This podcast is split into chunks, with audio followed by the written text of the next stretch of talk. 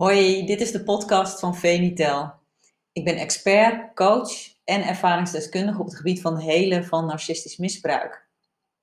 En in deze podcast bespreek ik het kenmerk dat een codependent heel gedisciplineerd is. Ja, een codependent is een pleaser, aanpasser en wegcijferaar, hè? maar daarbij meestal ook nog eens heel gedisciplineerd. Nou, en als je nu een relatie hebt met een narcist, dan komt dat die laatste heel erg goed uit. Want een narcist is dat helemaal niet. Die is helemaal niet gedisciplineerd. Heeft daar ook absoluut geen zin in. Want een narcist, die houdt daar ook niet van, want die blinkt juist uit in verwarring en chaos stichten. Dus daar uh, bloeit hij eigenlijk helemaal bij op. Want als die heel duidelijk en transparant en gedisciplineerd zou zijn, dan zou je die verwarring en chaos niet kunnen stichten. Dus het is wel heel handig als hij daarnaast iemand heeft die heel zorgvuldig en gedisciplineerd is. Voor de balans. Want als je twee mensen hebt die alleen maar verwarring stichten, dan ja, wordt het natuurlijk een puinhoop. En dan gaat dat ook niet werken natuurlijk. Dus um, kijk, een bijkomend voordeel voor de narcist is dat jij heel erg goed te peilen bent. Het is voor hem heel makkelijk in te schatten hoe je zult reageren, omdat je voorspelbaar bent. Nou, en nu is er helemaal niks mis hè, met die discipline en die voorspelbaarheid, want dat zijn juist hele mooie eigenschappen. Eigenschappen waar je prachtige dingen mee kan doen. Als je die voor jezelf zou aanwenden, dan zou je daar veel meer mee kunnen bereiken dan dat je nu doet. Weet je wel, dat je zoveel tijd en energie uh, in de narcist stopt. Dat is eigenlijk helemaal zonde van die bijzondere energie. Maar die eigenschappen, daar zou een gemiddeld mens absoluut geen misbruik van maken. Maar een narcist is nou eenmaal een narcist. Een narcist is een roofdier, een predator.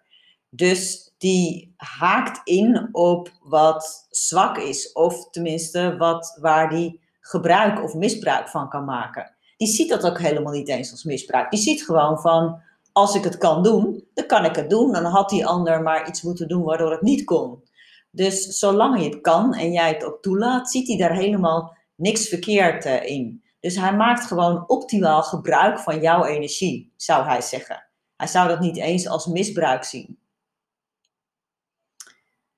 Nou, een narcist is dus een supermanipulator en die kan dat heel makkelijk doen, omdat jij zo voorspelbaar bent.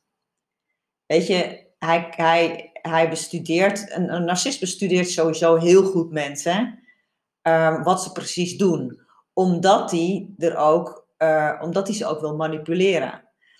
En als je gewoon iedere dag hetzelfde doet, of uh, je reageert op een voorspelbare manier, ja, dan is dat natuurlijk gewoon. Uh, voor hem een schot in open doel. En ehm, ja, dan kan hij dus ook zijn onvoorspelbaarheid inzetten, zodat jij in de war raakt. En als jij dan in de war raakt door hem, dan kan hij weer doen, en dat zal hij ook doen, alsof het aan jou ligt dat je in de war raakt. En dan heb jij het idee van, oh, ik raak in de war, het ligt aan mij. En je komt niet eens op het idee dat het ook wel eens aan hem zou kunnen liggen. Dus daarom is het ook heel belangrijk dat jij iets van wat die narcist goed doet, dat je dat ook doet. Niet dat jij nou weer ook de verwarringstichter gaat worden, maar dat je wel minder naïef bent en uh, meer gaat kijken van uh, wat hij nou precies doet. Of zij natuurlijk. Want zolang je het patroon van een narcist niet doorziet, ben je gewoon hiervan het slachtoffer. En dan denk je dus automatisch dat jij niet goed genoeg bent, dat je nog beter moet presteren, dat je nog meer je best moet doen, nog meer discipline en doorzettingsvermogen hebben. Ja, maar dat had je al zoveel, dus daar ligt het niet aan. En als je in een relatie zit met een narcist, ben jij ook meestal de actieve en hij of zij de passieve. En ja, een, een narcist kan soms heel erg actief lijken, omdat hij heel actief kan communiceren. En heel daadkrachtig ook kan communiceren. Dus ehm, je kan bijvoorbeeld heel erg zeggen van, uh, ik ga dit doen en eh, morgen doe ik dat en je kunt op me rekenen, weet je wel. Een narcist kan dat heel goed. Dus dat lijkt heel daadkrachtig, heel actief. Alleen een narcist kan heel uh, actief en daadkrachtig communiceren en dan volslagen niks doen of iets anders doen. Dus uh, uiteindelijk moet je altijd kijken wat iemand doet hè? En niet zozeer wat iemand zegt.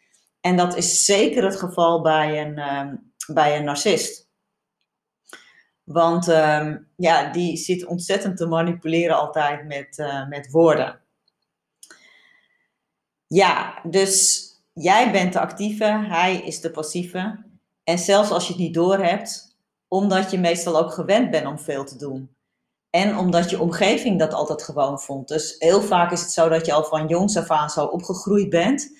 En dan heeft niemand dat ooit eens gezegd dat jij heel erg gedisciplineerd bent. Of het is dan gewoon jouw rol. Dus dan vind je dat ook niks uh, bijzonders. Maar zolang je met een narcist bent, kom je zelf niet uit de verf. De, de mooie eigenschappen van je staan ten dienste aan iemand die er zelf niet voor wil gaan.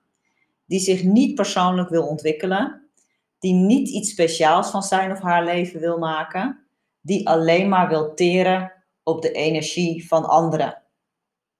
Een relatie met een narcist is water naar zee dragen en de oceanen zijn al vol met water. Dus je moet iets anders doen. Tenminste, als je nog een leuk leven wilt hebben. En de enige die hierin aan kan veranderen, dat ben jij zelf. Want je hebt zelf de keuze of je je laat gebruiken en misbruiken of daarmee stopt. Want er zijn er twee voor nodig voor dat patroon. En een narcist die zal nooit uit zichzelf stoppen, zolang er bij jou nog veel te halen valt.